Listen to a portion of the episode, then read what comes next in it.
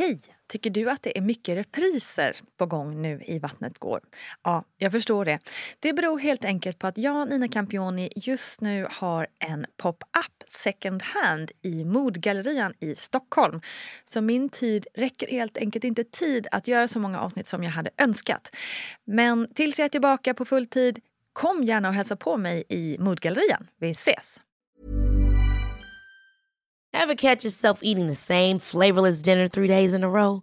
Dreaming of something better? Well, HelloFresh is your guilt-free dream come true, baby. It's me, Gigi Palmer.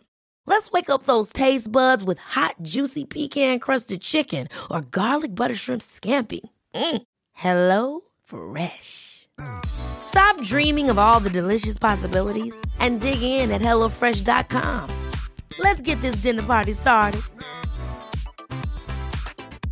Mom deserves the best, and there's no better place to shop for Mother's Day than Whole Foods Market. They're your destination for unbeatable savings, from premium gifts to show-stopping flowers and irresistible desserts. Start by saving 33% with Prime on all body care and candles. Then get a 15-stem bunch of tulips for just $9.99 each with Prime. Round out Mom's menu with festive rosé, irresistible berry chantilly cake, and more special treats. Come celebrate Mother's Day at Whole Foods Market.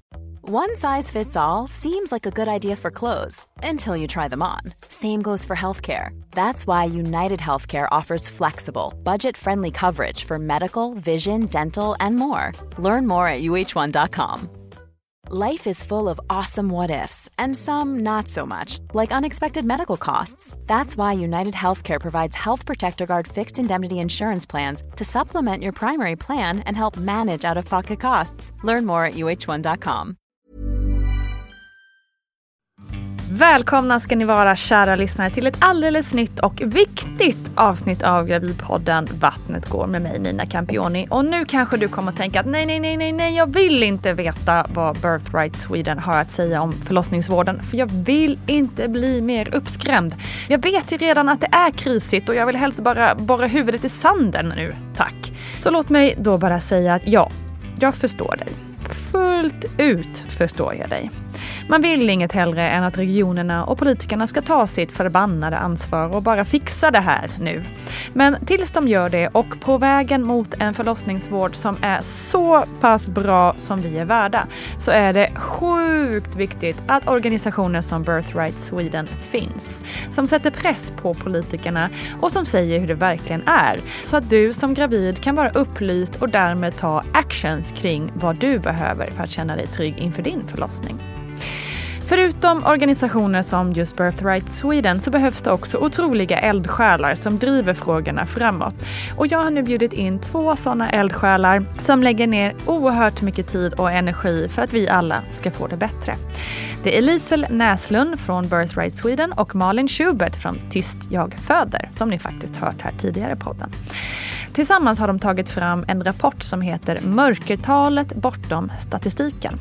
Och om den ska vi prata om nu. Vi kommer också ge tips och förslag till dig som gravid för hur du kan tänka genom din resa och vi ger framförallt förslag till politikerna om hur man rätt ordentligt kan förbättra för oss kvinnor. Nu kör vi!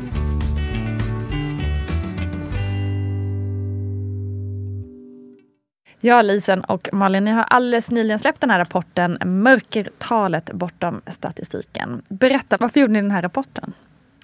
Vi eh, pratades vid i höstas och eh, hade blivit frustrerade, ledsna, arga över att eh, det basuneras ut mycket kring hur nöjda kvinnor är med förlossningsvården. Nio av tio är trygga. Eh, och det här möter inte alls vad vi har eh, fått som vittnesmål, alltså dagligen, mm. från personer som föder barn och är med om övergrepp, är med om traumatiska saker och inte alls är trygga eller säkra efter att de har fött. Mm. Så då pratades vi vid och Ja, vad säger du Malin? Det var ju också en väldigt dålig timing att precis efter de här stora demonstrationerna eh, gick Socialstyrelsen ut med att kvaliteten är fortsatt hög. Mm. Ingenting tyder på att kvaliteten blir sämre. När man precis har lämnat över 90 000 eh, underskrifter mm. och barnmorskor säger massuppsägelser. Liksom. Mm. Så det var så att någonting saknas. Ja exakt. Det mm. kändes ju ganska tondövt. Eh, att man ja, att, man, att man då inte kan liksom tänka, hmm, har vi några problem i hur vi mäter liksom, vård nöjdheten eller, eller vårdupplevelsen. Just Socialstyrelsen kollar ju bara på en handfull medicinska utfall och inte ens alla. Alltså vissa andra utfall, medicinska utfall blir ju sämre Apgar-poäng, låga Apgar-poäng för barn. Mm. nyfödda barn. Men de tittar på de här medicinska utfallen och där var det ingen skillnad. Dödlighet, eh, akutsnitt, sådär stora grova grejer. Mm. Och så tycker de att kvaliteten är bra. Mm. Just det. Medan man ju tittar inte alls på upplevelsen, det psykiska måendet eller ens andra medicinska utfall. Mm. Och den gången man gör det så är det direkt när man fött barn och liksom är tacksam över att man har överlevt och mm. kanske blir frågad av den som har varit med en under sin födsel. Precis som du skrev om härom veckan. Mm. Jo men precis, man är ju ett extremt liksom, dels tacksamhetsläge och ett maktundertag. Liksom. Eller man, mm. man, står, man pratar med någon som precis har hjälpt en att föda eller assisterat ens förlossning. Då, då vill man ju inte säga till den att just du, liksom. Eller att man vill inte säga att nej men det var skit. Mm. När, de, när man vet att de i rummet kanske har gjort sitt bästa. Liksom, och, eh, kämpat på. Liksom. Just den här som ni pratar om nu, den här BB-undersökningen. Um, den är ju också så himla otydlig vad den är till för. Vårdpersonalen använder den för att fånga upp kvinnor som behöver tidigt insatta stödinsatser. Uh, men man vet inte heller vad det är som kvinnor bedömer. Det kommer faktiskt komma en forskning uh, av en kvinna som heter Frida Wirman uh, som har tittat på vad bedömer kvinnorna i den här BB-undersökningen. Är det barnmorskan? Mm. Är det att ha fått ett barn? Det. Är det liksom bemötandet? Är det viss personal men inte annan personal. Eh, så det vet man inte i dagsläget. Mm. Nej, det är en eh, väldigt så svävande den... liksom, siffra man ska... Hur har det varit? Ja, mm. alltså, det, och problemet vi såg i höstas är ju att man har de här siffrorna som man använder i någon form av marknadsföring och i någon form att slå sig för bröstet att vi har en bra vård. Men eh, man hittar ju inte heller fram till de som faktiskt är med om upplevelser som man hade önskat vara utan. Mm. Eh, och det vi identifierar som är de här strukturella problemen. Vi har ju till exempel en patientlag som infördes 2015 men det är ingen som ser efter dess efterlevnad. Alltså jag kan inte anmäla det jag varit med om för ingen fångar upp det. Mm. Och det är ju ett fasansfullt problem att mm. vi har det så. Det finns ingen ansvarig instans för patientlagen. Eh, IVO eh, fick vi nu under arbetet med rapporten ska ju ta den i beaktande. Men den initiala bedömningen görs på patientsäkerhetslagen som IVO verkar tyda ganska mycket på det här bestående fysiska men. Um, även om det i patientsäkerhetslagen också står att det ska vara respektfullt och i samråd och sådana såna ord. Um, så det är och patientlagen är till för att värna om oss. Det är den enda lagen som värnar mm. om oss som liksom föder barn, är gravida. Varför är det så här tror ni att det inte är något, liksom, någon, någon som tar hand om patientlagen? Det är en väldigt bra fråga mm. Du kanske kan ställa den till regeringen. Mm. Vi ställer den till regeringen. Precis, vi ställer den till dem. Vad, vad tror ni de kommer svara? Om de svarar. Jag hoppas att de kommer svara. Vi ska utreda det här omgående. Mm. Det här var en miss vi gjorde. ja, men det är ju jättekonstigt. Mm. Det är ju helt vansinnigt. Ja. Mm. Och det är inte bara vi som säger det. är ju Vård och omsorgsanalys har gjort två stora rapporter, 2017 och 2021, där de kommer fram till det att patientlagen har inte någon ansvarig instans. Det är ingen som ser efter den. Den är en tandlös lag mm. eh, som ser fint ut på papper men den verkar inte i verkligheten. Så därför Helt vill galet. vi lyfta Ja, det förstår jag. Mm. Berätta mer om hur ni har gjort den här rapporten. För ni skriver ju att det är 400 kvinnors vittnesmål om mödrahälso och förlossnings och eftervården. Hur har ni gått tillväga? Ehm, jag fick då alltså uppdrag av Birthright Sweden eh, och Lisel var min arbetsledare att ehm, använda berättelserna på Tyst jag föder på kontot. Mm. Eh, och då skrev jag ju dels upprop, eller vi på båda våra liksom, sociala medier skrev att um, kom in med din berättelse. Uh, vi fick ju ett gäng nya berättelser också på mail. Uh, och sen annars var det folk som skrev in sådär, hej den här berättelsen du har får du använda. Det var det datumet och den kliniken. och så blev det 453 berättelser där vi hade datum. Och vi satte ju gräns första januari 15, 2015 just för att det är då patientlagen trädde i kraft. Att vi säger okej, okay, vi, vi tar inte de äldre eh, för då fanns inte den här bra mm. lagen mm. som vi har nu. Uh, och 53 av de berättelserna var um, exkluderades för att de ändå hade hänt innan eller um, var en dubblett. Eller, nej, dubbletterna tog jag bort förresten. Um, hade hänt innan eller utomlands förresten. Det var ju också några svenskor mm. som skriver in Eller kvinnor från andra länder som berättar om andra länders upplevelser. Men det blev hela 400 berättelser, uh, vittnesmål Eh, som vi sen eh, analyserade, kodade enligt liksom, vi tog inspiration av en typologi som togs fram eh, om obstetriskt våld, ehm, kodade och sen räknade. Det jag tycker är intressant också är att vi ehm, hade ju kontakt med patientnämnden och IVO för att titta på hur många fall har de egentligen. Patientnämnden ska ju vara en um, oberoende instans som hjälper patienterna. Uh, och de för ju också statistik över, över hur många de får i olika uh, genrer eller olika vårdgrupper. Och det var ju oerhört lite under de här åren, både på IVO och patientnämnden. Mm, det är väldigt, väldigt, väldigt lite. Eh, vilket jag tror dels beror på att kvinnor inte vet. Alltså dels är det tror jag många har typ en dålig känsla i magen efter födseln. Men kan inte riktigt sätta ord på att de har varit med om, om övergrepp eller respektlöst bemötande eller att någonting har gått fel. Liksom. Eh, och sen tror jag att väldigt många um, förstå det som att man bara kan använda, anmäla fysiska skador. Just det. Um, och det är ju, om man ska vara ärlig, det är ju IVO inte jättepigg på att lyfta fram att man också borde kunna anmäla de psykiska men mm. Det står liksom, man läser men um, ja, de flesta har uppfattningen att det måste vara bestående fysiska men och då anmäls det inte. Um, sen är det också att när det väl anmäls så läggs det ibland ner. Mm. Och då kanske man berättar det till sina kompisar att det här gav, gav ingenting. Um, det ansågs att det inte gjorts något fel. Det ansågs det. att det var normal vård, förväntad vård. Mm. Så man måste vara så fruktansvärt stark för att ens orka anmäla och för att orka komma så långt att man känner att det här var faktiskt övergrepp jag var med om och jag vill anmäla det. Och man ni vet ju själv hur det är när man precis har fått ett barn. Det finns så mycket annat man vill och behöver fokusera på. Och att då gå med trauma. Det är många som inte hinner bearbeta det mm. de första åren. Mm. Och då har IVO sin gräns som de håller rätt hårt att två år mm. får ha gått. Mm. Sen så utreder inte de det. Mm.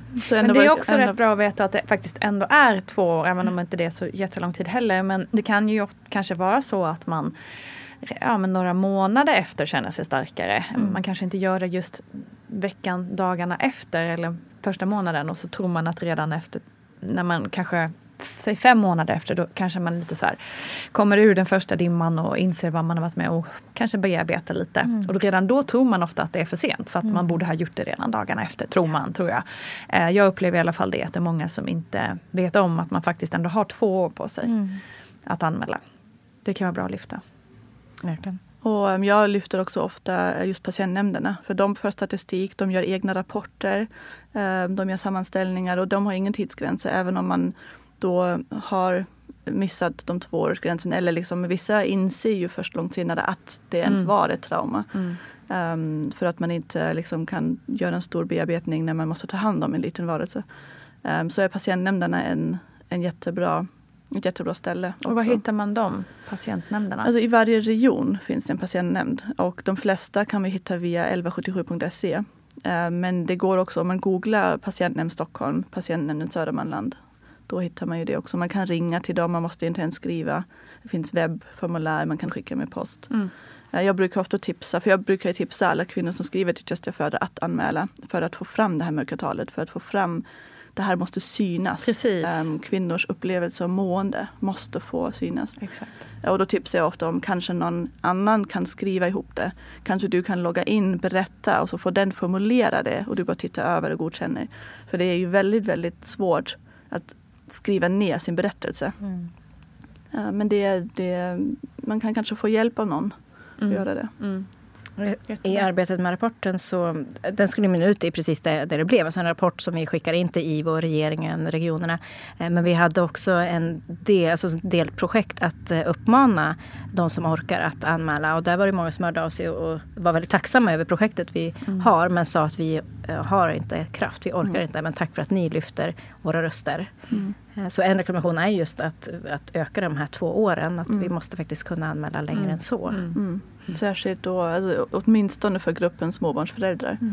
Um, men det är också det, var, det är så himla um, jag fick ju också många meddelanden att men, tack vare det här har jag anmält nu. Mm. Och jag har tagit mig kraft och jag har orkat. Och, um, och jag blir jätte, jätterörd mm. av de personerna som tar, tar sig styrka. Mm. Det gör Verkligen, det är starkt. Och det, men det finns också så väldigt många kvinnor och män när det gäller andra saker naturligtvis som inte ens vet att man kan anmäla. Mm. Alltså, det är någonting vi måste så banka i och Mm. eh, verkligen informera, informera, informera om att det går att anmäla. Mm. Eh, och man har rätt att göra det. Men eh, det som är också svårt, jag fick ju en del DM om man bor, i en mindre ort. En kvinna som skriver, jag skulle vilja anmäla men jag kommer föra där igen. Mm. Jag är rädd att om mitt namn har dykt upp, liksom, jag gör inte det. Mm. Eh, och det kan jag mycket väl förstå. Jag tror att de flesta vårdpersonal är så professionella att man kan ta en anmälan och ta den för det, vad det är. Att man inte haft förutsättningar att ge en god vård. Mm. Eller att man helt enkelt har haft en tråkig attityd som man måste se över, vad vet jag. Jag tror att de flesta tar det bra. Men den oron förstår jag ju. Mm.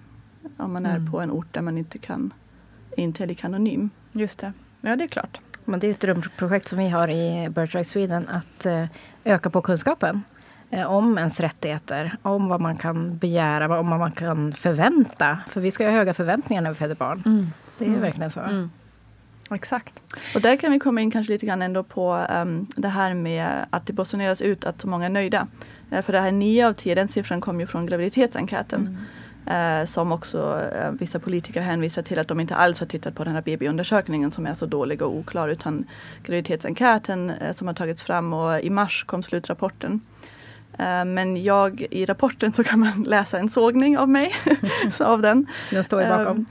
Mm, precis, eller av oss precis. I rapporten kan man läsa en sågning av den där vi har sågat graviditetsenkäten. För dels så har den en väldigt låg, den har bara hälften svarsfrekvens. Och, Ska vi ehm, bara förtydliga vad graviditetsenkäten är? Jo precis. Graviditetsenkäten var ett projekt. Alltså SKR har ju en överenskommelse med regeringen att öka kvinnors hälsa. Sen ett antal år tillbaka. Och i den ingår då att ta fram kvinnors upplevelser. Så det fanns en enkät som löpte i drygt ett år eller ett och ett halvt ungefär. Jag tror typ oktober. Ja, eh, där kvinnor både i vecka 25, åtta veckor efter födseln och ett år efter födseln kunde svara på en enkät om eh, vården de har fått. Eh, nu var det så kort tid att väldigt få hann svara på alla tre enkäter. Det var väl egentligen tanken från början tror jag, att man skulle se över tid. Och det har man alltså inte sett. Eh, första halvåret fanns den bara på svenska. Sen översattes den till andra språk. Lite så. Men eh, framförallt är det ganska låg svarsfrekvens, eh, svarsfrekvens och eh, vi är så kritiska mot att hur man ställer frågor.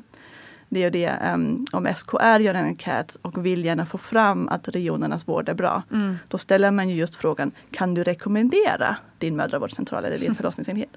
Men om vi i Sverige har en väldigt centraliserad vård där det inte finns några alternativ, där alla får samma vård. Om jag inte tror att någon annan förlossningsklinik gör en annan vård, varför ska inte jag, em, inte jag rekommendera min? Så det är en så himla ful fråga tycker jag. Och sen att säga men 89 procent rekommenderar sin vårdgivare. Det är så här, ja men hade du till exempel frågat ehm, hur of, eller, frågades det samtycke? Alltid, ibland, aldrig. Just det. Då blir det mycket tydligare att inget förutom alltid är acceptabelt. Mm. Ehm, men graviditetsenkäten har också ställt sådär eh, alltid, eh, hur nöjd är du med det här? 1 till 5. Hur nöjd är du med det här? 1 till 5. Mm. Eh, eller hur, hur bra var samtycket 1 till 5? Mm. Eh, vilket är lite luddigt från början. Mm. Vad jag menar, vad vet jag, vad, vad är 5 då? Vad är Ja, fyra? har man kanske inte så många andra mödravårdscentraler eller någonting att jämföra med heller. Alltså, Ja, precis, man är liksom. gravid en gång. Ja, precis. Ja, och sen har de ju redovisat fyra och fem samtidigt Mm. som nöjd. Mm. Så det är ju också ganska anmärkningsvärt tycker jag. Men siffrorna är ju det som gör en, jag vet inte, frustrerad. Jag vet när det basuneras ut i tidningarna. 9 av 10 är nöjda och trygga. Och om man räknar på det då, då är det 12 000 som inte är nöjda och trygga. Det är alltså 10 procent av de som föder barn varje år. Kan vi vända på de siffrorna och se Precis. varför är det så? Det är alldeles för mycket precis. Även, det, även de här sköna siffrorna är ju alldeles för dåliga. Precis. Ja, nej det är um, man vill ju få fram det man vill få fram och man är inte intresserad. Precis, det är ju så. Men om vi återgår lite till eh, den här rapporten som ni har skrivit nu. Vad är liksom de, om man ska plocka ut liksom ert st stora take på vad är ni verkligen har kommit fram till där och hur skulle ni vilja förändra det? Jag tänker på slutsatserna om du vill ta dem Malin. Ja, alltså vi har ju sett att um, samtycke är det som brister. Alltså i vår rapport är det som det har bristat oftast. Eh, och det är ju en väldigt, väldigt het fråga allmänt i samhället med samtycke. Och det Och finns också med i patientlagen. Precis, Hade. det är ett helt, Mm. en hel kapitel. Eh, och ehm, det är brist på stöd. Ehm, det är nedsättande språk, autonomiförlust. Alltså, vi har ju sett att kvinnorna um, fråntas eh, sin autonomi och inte får det stöd de behöver. Vi har ju även sett liksom saker som att um, nonchalans, man blir inte, gjort, inte delaktiggjort. Um, I vår rapport tittar vi också på lite specifika saker som till exempel eh, covid-restriktioner eller separation som båda två upplevdes jättenegativt. Mm. Um, och just separation är ju en av våra rekommendationer att införa nollseparation. Alltså det kan inte jag för mitt liv fatta att vi har så många separationer av mor och barn Mm. eh, som vi har i dagsläget. Det är enbart en organisa- organisatorisk fråga. Vilka kunskaper man organiserar till vilka vårdenheter. Liksom. Um, så det är en ganska dyster läsning då förstås. Um, med att kvinnor inte alltså fråntas um, rätten att bestämma över sin kropp. Och rätten att kunna sin kropp. Mm. Att inte bli lyssnad till. Bli um, klappad på huvudet. Det är inte Jag tog okej. med ett vittnesmål om jag får läsa upp. Mm, gärna. Eh, då har vi nummer 80, Malin i Trollhättan år 2020. Jag gjorde allt hon bad om. Jag stod upp, gick i trappor, gick promenader, hoppade på pilatesbollen, hängde på gåstolen, låg på sidan, låg på rygg, satt på huk, stod med rumpan i vädret, vaggade, tog värkstimulerande dropp, kämpade, var tyst när de bad mig, sa hur det kändes när de bad mig, flyttade på mig när de bad mig och jag lyssnade på allt de sa. Jag sa inte emot en enda gång. Inte ens när jag inte fick epiduralen jag var lovad ett halvår tidigare efter utredning om eventuell sjukdom. Inte ens då sa jag ifrån. Jag bara grät. När jag till slut fick reda på att bebisen satt fast i bäckenbotten och låg åt fel håll samt att det hade gått 61 timmar från första verk bad jag om kejsarsnitt. Jag hade inte öppnat mig mer på flera timmar. Bebisen satt fast, var åt fel håll och jag orkade knappt stå upp längre. De sa nej utan att blinka. Efter lång diskussion, där jag var helt desperat, frågade jag. Jag har gjort allt ni ber om. Nu står det helt still och jag orkar inte mer. Det enda jag vill ha är ett snitt, men det känns inte som att jag har något att säga till om. Då tittade läkaren på mig och sa, nej, du har faktiskt inget att säga till om. Efter ytterligare åtta timmar senare kom bebisen med hjälp av både sugklocka och tång. Överläkaren som till slut kom in sa att jag aldrig hade klarat det utan hjälp. Jag kände ju det, men jag hade inget att säga till om. Mm. Mm. Fy fan. Och där är liksom en av våra stora rekommendationer är ju kontinuerlig vård. Mm. Alltså jag är så övertygad om att både i rapporten och på konto Tyst jag föder de 80-90 procent av de här händelserna skulle inte hända om man hade en barnmorska man hade en relation med sen innan. Och de, hon kände mig och jag kände henne och vi Mm. hade pratat. Och, ehm, så att hon kan, för jag upplever ibland att det är en sån attityd att ja ja, hon säger det här, ja ja, hon, hon vet inte vad hon pratar om. Eh, men om man har en relation då kan jag bli tagen på allvar. Mm. Eh, och om jag har en relation med henne då kan jag typ lita på barnmorskan mer eller säga, alltså sånt här skulle inte ha hänt om de hade en personlig relation sen innan. Nej. Och det är det som vi som brukarorganisation lobbar för i alla regioner. Att vi vill ha kontinuitet i vården. Mm. Till exempel det som finns här i Stockholm med Precis. Caseload Midwifery. Jag såg att ni delade i igår om att Dalarna var på väg att, Precis. eh, att eh, anställa för detta. Eller Jättekul. mm, förändra sin organisation. Och Västra Götaland har precis fattat beslut om det. Så de Underbart, det sprider sig. Sen hörde jag ju rykten om Värmland och Skåne. Du ser. Mm. Det kan hjälpa när vi ryter ifrån Verkligen. ordentligt. Och när man såklart visar på att det faktiskt gör skillnad som det har gjort här i, Stockholm. Precis. Det är också så roligt apropå det här med, det finns ju väldigt, väldigt stora internationella studier och eh, metastudier och sammanställningar som visar att det är en otroligt säker vårdform som eh, har mycket bättre utfall än den här vården som vi har. Eh, men nu behövde man ju ta fram svenska siffror på det här för att verkligen veta att det även är bra i Sverige. Just det. Men det ska ju komma alldeles snart om det är svenska siffror så då kanske det blir ännu fler regioner. Aha, nej, det här, är intressant. precis, här i Sverige har man ju sett att det minskar eh, sena missfall och prematura födslar till exempel. Som ett jättepositivt bifyll. Mm. Precis, det letar man inte efter tror jag. Men det Nej. såg man att jaha, varför blir det färre prematura Precis. födslar? Intressant. Så kontinuitet i vårdkedjan och, och liksom hela den här svängen. Vad finns det mer för tänkbara lösningar och rekommendationer från er sida? Organisationen som vi är inne på är ju eh, det strukturella problemet någonstans. Man har ju inte organiserat kring kvinnan. Man har ju organiserat utefter hur en vård kan se ut på eh, ett vanligt sätt. Men det här är inte ett vanligt sätt. Här har vi en person som under nio månader är gravid och sen ska föda och sen eh, behöver vård efter den tiden. Eh, så det är jättemärkligt att man har separerat det här i tre delar när det egentligen såklart hänger ihop. Eh, Så organisationen förstås. eh, Vi vill ha kontinuitet både under hela tiden, liksom graviditet, födsel, eftervård, men också på plats. Att jag har en och samma barnmorska, vilket man har lovat här i Stockholm. Men vi önskar ju verkligen att det kommer till andra regioner. Att faktiskt lösa det. Vem skulle inte vilja ha samma barnmorska? Vem skulle vilja att den springer mellan? Både ur barnmorskans perspektiv och deras arbetsmiljö, men också vi som föder barn. Och eftervården, samma där naturligtvis. Exakt. Tänk vad tryggt att veta vem man träffar. Den har följt en nu under hela graviditeten och födseln. Och vet vad som händer under förlossningen och, Precis. kan liksom stötta på bästa tänkbara sätt.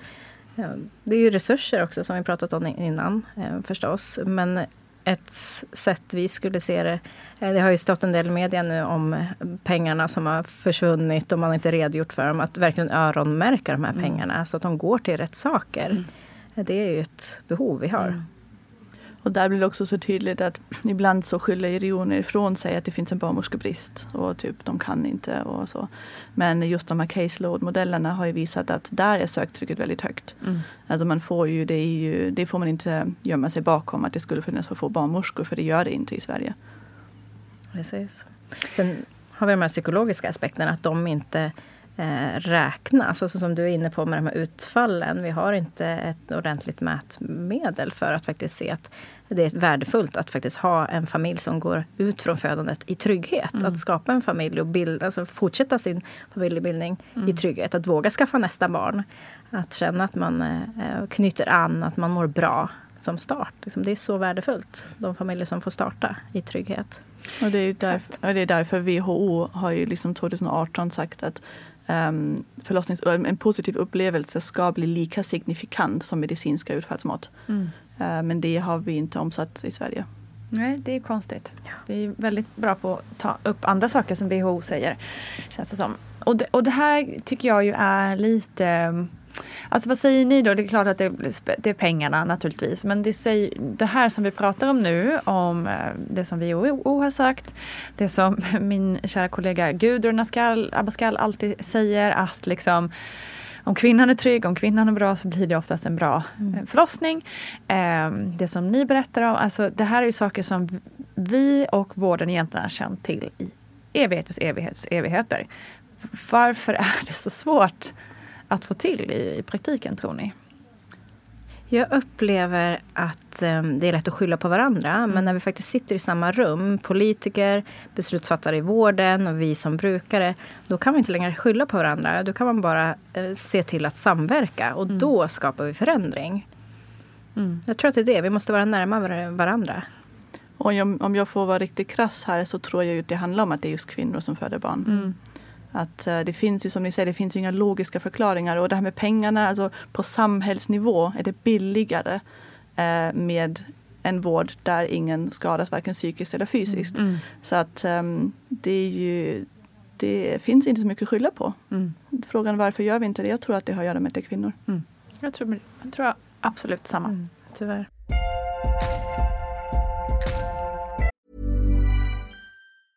When you're ready to pop the question, the last thing you want to do is second guess the ring. At Bluenile.com, you can design a one of a kind ring with the ease and convenience of shopping online. Choose your diamond and setting. When you find the one, you'll get it delivered right to your door. Go to Bluenile.com and use promo code LISTEN to get $50 off your purchase of $500 or more. That's code LISTEN at Bluenile.com for $50 off your purchase. Bluenile.com code LISTEN. Planning for your next trip? Elevate your travel style with Quince. Quince has all the jet setting essentials you'll want for your next getaway, like European linen, premium luggage options, buttery soft Italian leather bags, and so much more. And is all priced at 50 to 80% less than similar brands. Plus, Quince only works with factories that use safe and ethical manufacturing practices. Pack your bags with high-quality essentials you'll be wearing for vacations to come with Quince. Go to quince.com slash pack for free shipping and 365-day returns. Hey, it's Ryan Reynolds, and I'm here with Keith, co star of my upcoming film, If, only in theaters, May 17th. Do you want to tell people the big news? All right, I'll do it. Sign up now and you'll get unlimited for $15 a month in six months of Paramount Plus Essential Plan on us. Mintmobile.com slash switch. Upfront payment of $45 equivalent to $15 per month. Unlimited over 40 gigabytes per month. Face lower speeds. Videos at 480p. Active Mint customers by 531.24 get six months of Paramount Plus Essential Plan. Auto renews after six months. Offer ends May 31st, 2024. Separate Paramount Plus registration required. Terms and conditions apply if rated PG. Life is full of what ifs. Some awesome. Like what if AI could fold your laundry? And some, well, less awesome. Like what if you have unexpected medical costs? United Healthcare can help get you covered with Health Protector Guard fixed indemnity insurance plans. They supplement your primary plan to help you manage out of pocket costs. No deductibles, no enrollment periods, and especially no more what ifs. Visit uh1.com to find the Health Protector Guard plan for you. Imagine the softest sheets you've ever felt. Now imagine them getting even softer over time. That's what you'll feel with Bowl and Branch's organic cotton sheets. In a recent customer survey, 96% replied that Bowl and Branch sheets get softer with every wash. Start getting your best night's sleep in these sheets that get softer and softer for years to come. Try their sheets with a 30-night guarantee. Plus, get 15% off your first order at bowlandbranch.com. Code BUTTERY. Exclusions apply. See site for details.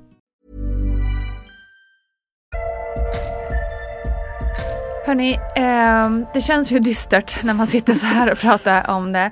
Eh, men liksom om man är gravid nu och eh, ja, blir oerhört stressad över, över den här situationen som vi har i förlossningsvården i Sverige. Dels det vi, det liksom vi har läst i media och demonstrationerna vi har gått i och så vidare. Men också er nya rapport här. Vad skulle ni vilja säga till de som är gravida just nu?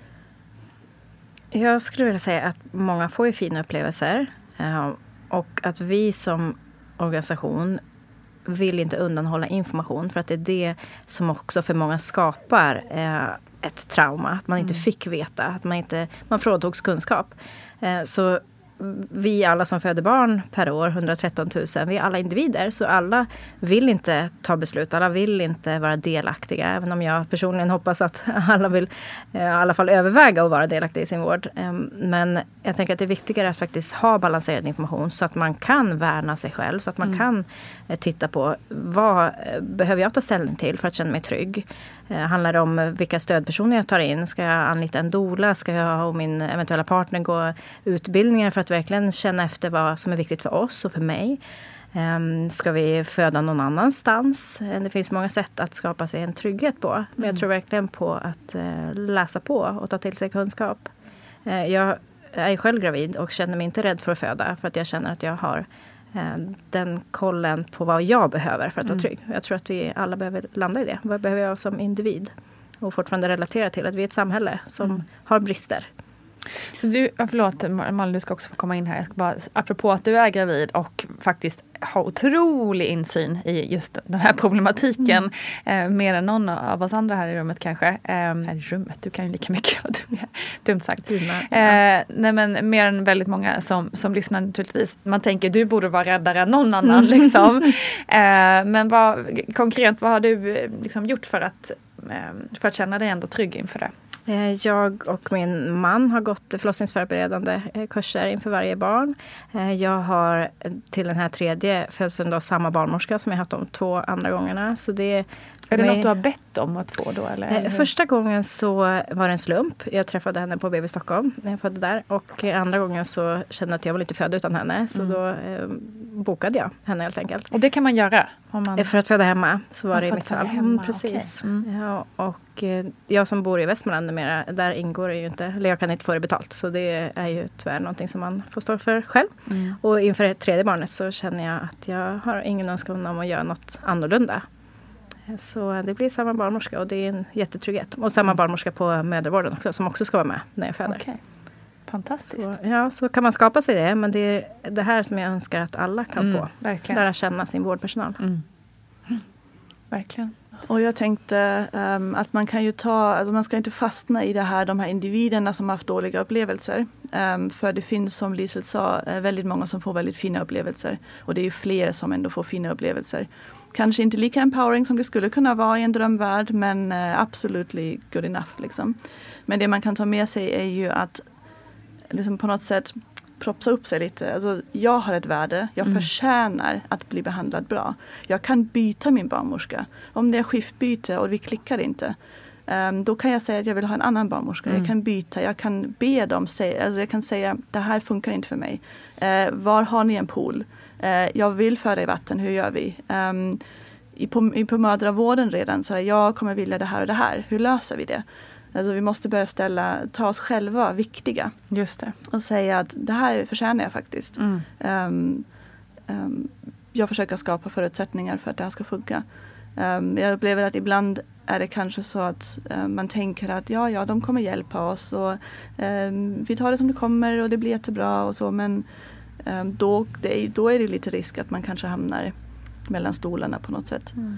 Men det här, du har ett värde, du ska få en fin födsel byt din personal, eh, byt din location, eh, vägra bli hemskickad. Alltså, mm. Och ha med någon som kan hjälpa dig att stå upp för dig själv och våga ställa precis. frågor. Vad är det för positivt med det här som du erbjuder mig? Vad är det för negativt? Precis. Mm. Vad finns det för alternativ? Precis. Är det, vad händer om vi väntar? Mm. Liksom?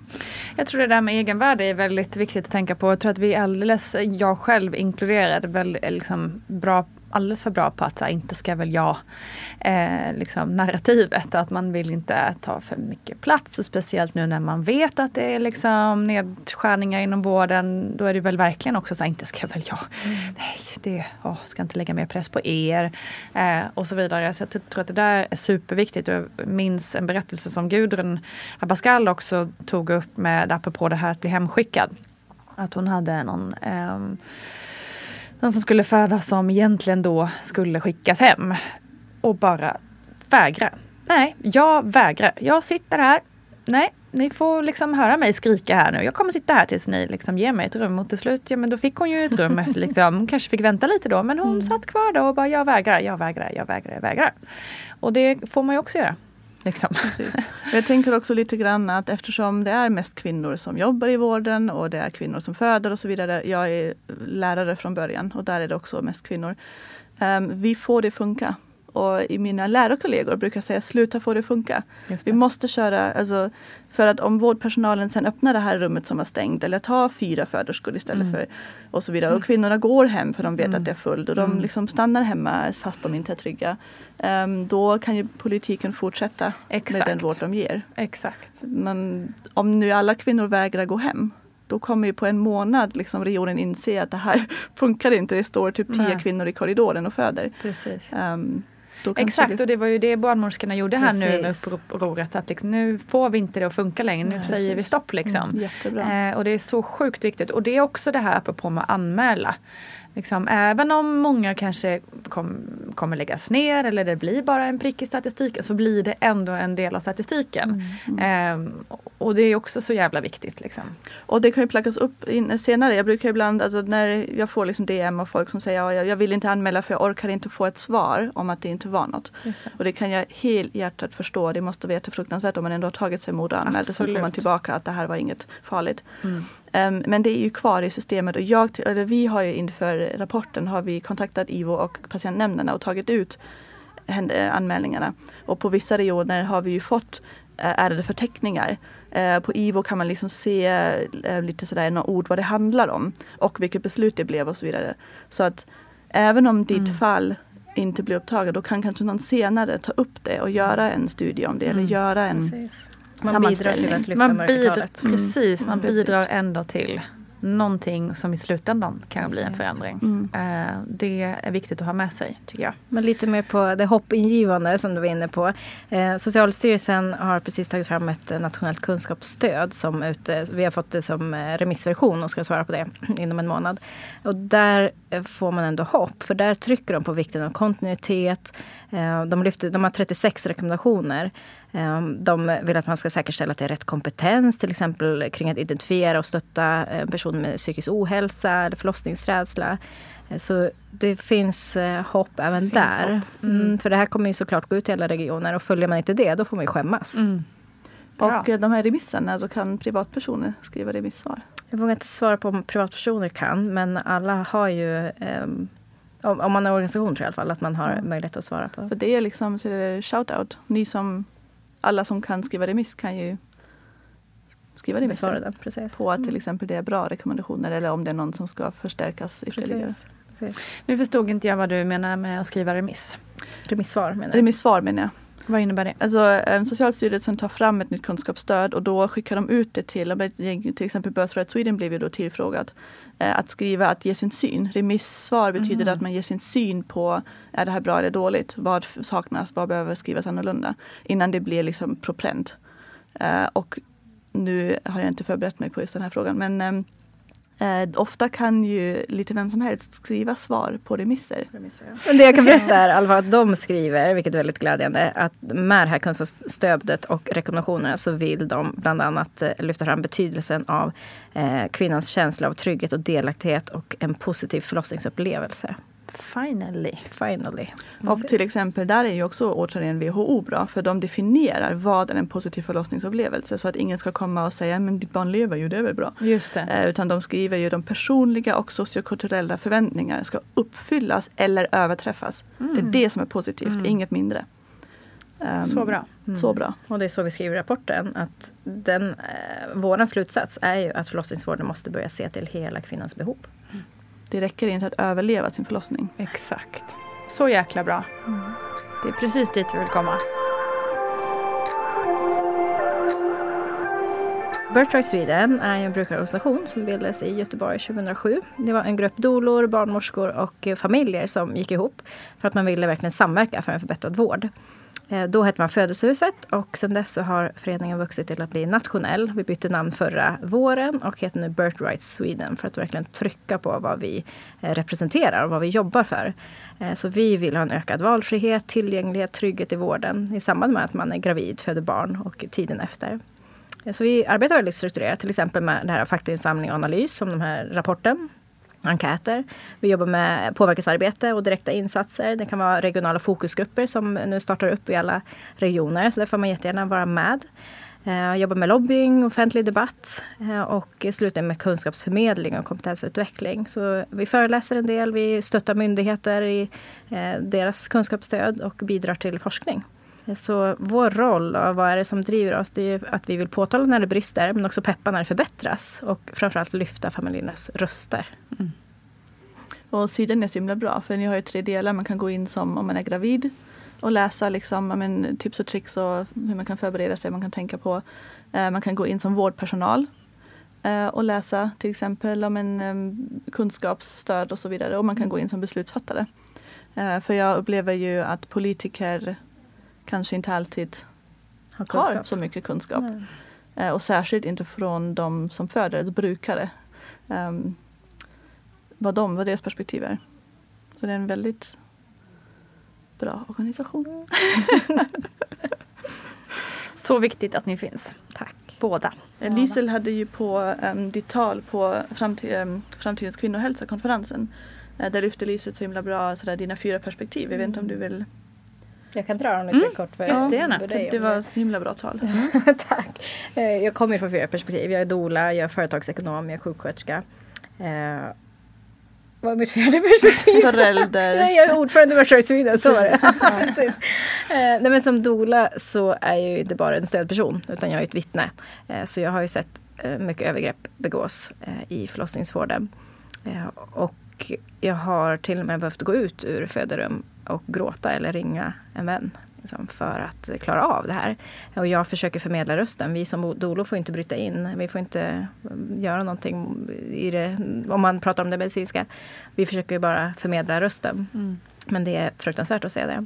Och om man sen går över till mitt andra perspektiv, att jag just nu jobbar som sjuksköterska, så jobbar jag på en medicinsk akutvårdsavdelning eh, Eh, där vi dagligen vårdar patienter som är under tvångsvård, alltså LPT bland annat. Eh, och där har jag inte sett i närheten av så stora övergrepp som jag har sett i förlossningsvården. Eh, så någonting är ju märkligt där. Eh, som ordförande så har jag varenda dag vittnesmål kring vad kvinnor är med om i förlossningsvården. Eh, och som företagsekonom så blir jag så fascinerad och förundrad över hur man inte har tagit ett bättre ekonomiskt grepp över förlossningsvården. Mm. Och när jag säger förlossningsvården så menar jag såklart hela kedjan, liksom graviditet, mm. födsel, eftervården. Eh, men där till exempel så har man ju media pratat om att vi har stordriftsfördelar för att vi har så många som föder vår avdelning. Och där finns det ju forskning kring vad en maxgräns skulle kunna vara för att faktiskt göra det hanterbart. Och som ekonom så ser jag att man går ju väldigt snabbt över till eh, stordriftsnackdelar. Till exempel att man tappar närheten mellan mm. professionerna. Man vågar inte lita på att min kollega kan någonting för att man känner inte kollegan. Man vågar inte lita på att ja, men jag som barnmorska och den som läkare kan jobba ihop. Eller vad tänker den och hur, vad är dens mm. värderingar och kunskap. Uh, och istället börjar man förlita sig på ett PM. För att det är liksom, då, man den, då använder man den som en regel istället. Mm. Som en lagbok istället för att faktiskt se vem har jag framför mig. Vad är det för person och vad behöver den personen som föder barn. Så det är intressant att komma med de perspektiven och analysera Verkligen. vården på. Eh, kan man också ge ett ex exempel på vad övergrepp inom förlossningsvården kan vara? Mm. Um, ja, men det är ju till exempel um, uh, samtycke och det ska vara informerat samtycke. Det räcker inte. Alltså jag upplever att um, nu för tiden vet ju alla lite hur det ska låta. Policyn sitter. Uh, men att på riktigt, på riktigt innerst inne utgå ifrån att den här människan eller kvinnan har ett val. Jag måste mm. ge information om fördelar, nackdelar, alternativ. Um, vad som händer om man inte gör någonting istället. Uh, och sen invänta om hon tackar ja eller nej. Just det. Uh, och det är ju något som Även om man säger, är det okej okay om jag gör det här nu? Mm. Om man inte verkligen ger all information innan um, och ger tid att tänka efter. Då funkar det inte. Uh, och en del nonchalans. Alltså, vi upplever ju att kvinnor inte blir lyssnade på. Mm. De säger det här kommer gå fort. Ja, ja, ja. Du är förstföderska. Eller de upplever att vattnet går. Ja, ja, ja. Det är flytningar. Eller de upplever att mm. någonting funkar inte, det sitter fast, det går inte. Ja, ja, ja, vi höjer droppet. Eller man har ont. Precis. Ja, och det um, lyssnas inte på. Mm. Och säger um. nej, det ska ju ont eller du har inte alls ont som du säger. Jag ser på den här mätaren att du inte har värk. Precis. Så är det tekniskt problem. Liksom. Ja, mycket. Ja. Det, med. Alltså, det, mm. det handlar också om integritet. Det är ju sällan som man jag ska inte säga sällan, men, men i det vanliga livet så är jag liksom en respekterad person som man lyssnar på för att jag har åsikter, kunskap, eh, jag bottnar i mig själv och jag, jag lyssnas på helt enkelt. Men så fort jag blir gravid, då mm. av någon anledning så fråntas jag de mm. rättigheterna. Mm. Man infantiliseras ju också att liksom eftersom du är gravid och sen särskilt när du föder, då kan inte du fatta beslut. Och då är du inte liksom um, ditt, ditt riktiga jag. Um, så det är liksom ett mm. problem. Um, så det vi har sett i vittnesmålen det är allt från rena fysiska övergrepp, alltså vaginala undersökningar fast man sagt nej. Eh, någon blir fasthållen på rygg och tvingas föda på rygg och någon håller verkligen fast i benen mm. fast man säger nej. Eh, till då kränkningar i ord när man mm. säger att nej, men du, är, du är lat eller du, är, du borde inte vara här eller varför är du ens här eller du kan ju det här så gå hem. Mm. Mycket liksom skuldbeläggande. Mm. Um, att um, ja, ja, det är klart att det går så här när man gör så. Eller ja, men du andas fel. Eller ja, men hade du låtit oss ta hål på innan, då hade du inte. Alltså mm. mycket. Um, och det bottnar ju i en nonchalans att man tänker att ja, ja, vi visste ju bättre. Så nu får du skylla dig själv. Uh, för att du visste inte från början. Mm. Och då måste man någonstans zooma ut igen och se att varje födsel är unik. Mm. Det finns ingen som kan säga så här kommer din födsel gå till. Jag brukar säga att den som kan um, spå en födsel, den kommer få Nobelpris. Mm. Alla, både de som föder de som jobbar, är alltid sådär, när kommer komma mm. bebisen, hur kommer den komma? Det går inte att veta. Och en jättestor skillnad um, mot vanliga vården är ju att det här är friskvård. Mm. Det här är friska människor där ingenting är fel. Jag menar, det, det, man kan inte ha ett PM om det inte är en del som ska repareras på ett beforskat sätt. Mm. Uh, utan det här handlar om en jättestor psykologisk process. Mm. Det händer mycket fysiskt. Det är väldigt, väldigt individuellt vad som händer fysiskt och ännu mer individuellt vad som händer psykiskt. Mm. Uh, och att då tro att man kan ha en mall. Uh, och då typ skuldbelägga eller håna eller inte lyssna på de som är i processen för att de inte följer mallen. Blir väldigt skevt. Mm. Verkligen. Mm. Gud intressant. Ja, jag tänkte nu när vi pratar om liksom, positiva.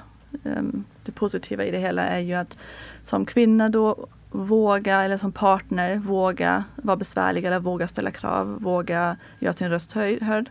Och som vårdpersonal, våga gå ifrån PM. Eh, våga stå upp för kvinnan. Eh, du som har tre födande samtidigt och sliter och inte kan kissa. Om du kan hos den här kvinnan lyssna på henne, då kommer det göra jättestor skillnad mot, för, för hennes upplevelse. Om alla vågar göra det de känner kan vi vinna mycket. Mm. Även just nu, direkt. Jag brukar säga det när jag föreläser för barnmorskor, just att ta rygg och hitta ditt nätverk. Ta rygg på de som gör något som inspirerar dig. Eh, hitta det nätverket som stöttar dig, för det är tufft att gå mot någon form av motvind. Eh, men det kommer förändring när man går ihop. Mm. Och vi eh, känner ju båda fantastiska barnmorskor, och du med Nina. Liksom. Fantastiska barnmorskor som sliter och läkare också. Och undersköterskor som sliter för att förbättra vården. Och de ska vi verkligen lyfta och mm. ta hand om. Mm. Verkligen. Och varje också, liksom där många bäckar små, varje kvinna som du har lyssnat på eh, och gått, frångått ditt PM eller skrivit in hon önskar det här och jag tänker respektera det. Um, är ju en jättestor skillnad för hela den familjen mm. och hela den familjens liv. Även om kanske barnmorskan sen inte får någon återkoppling för hon träffar inte dem igen. Mm. hon äh, lämnar dem och, men det har ju gjort skillnad. Liksom. Mm. Precis. Ja verkligen. Det är viktigt att ta med sig.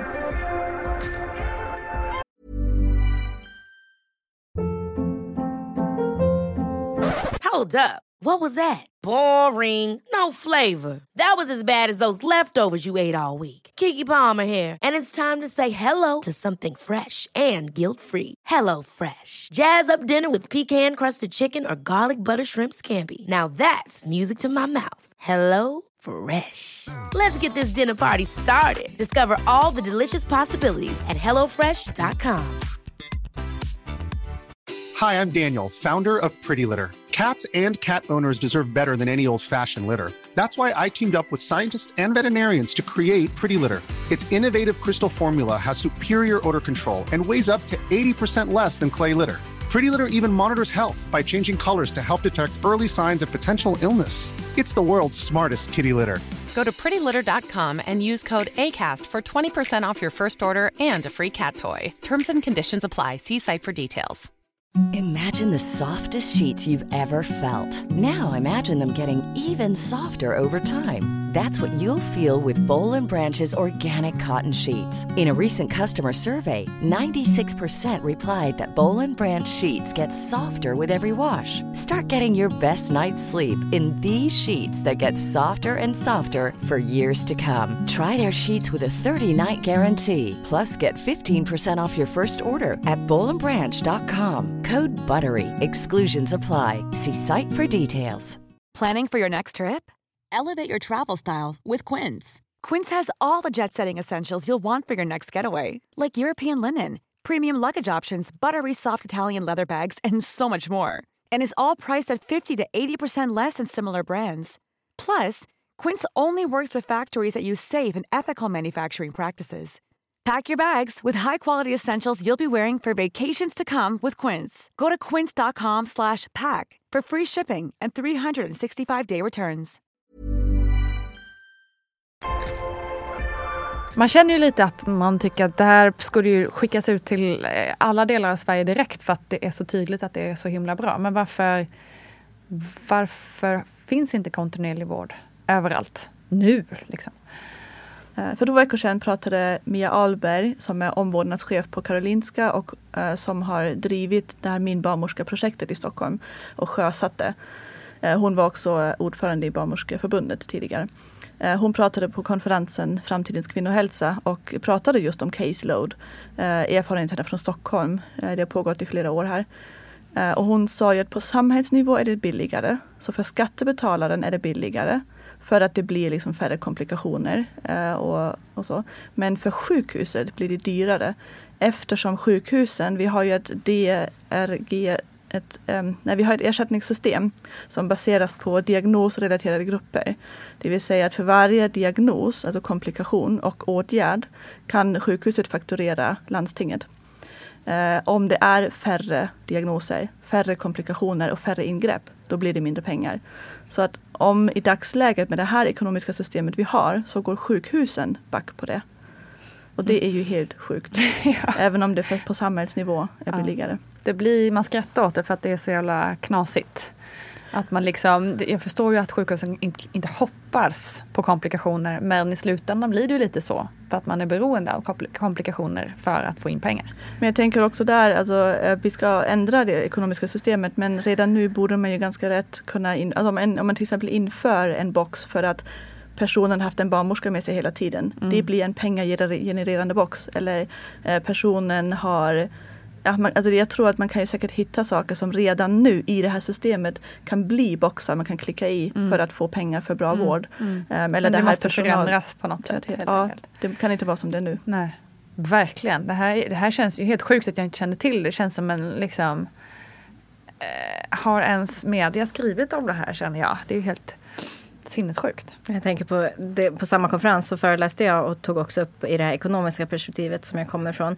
Det är märkligt att vi i Sverige inte har gjort en analys på vad en traumatisk födsel kostar. Alltså vad kostar det att jag som, som kvinna är gravid, föder barn, får en äh, hemsk upplevelse, behöver sen gå till primärvården, söka Exakt. psykolog, eh, behöver extra hjälp hemma kanske, behöver vara sjukskriven mm. eh, och sen om jag nu ens vågar bli gravid igen, ja då behöver jag säkert någon form av Aurora-stöd. Ja. Eh, och sen gå igenom det här igen. Mm. Vad kostar det? Mm, Istället exakt. för att faktiskt främja ett, eh, en upplevelse. Som, när det blir bra från början. Ja, precis. När det blir bra från början. Så får vi helt funktionerande föräldrar och liksom människor ut i samhället direkt. Exakt.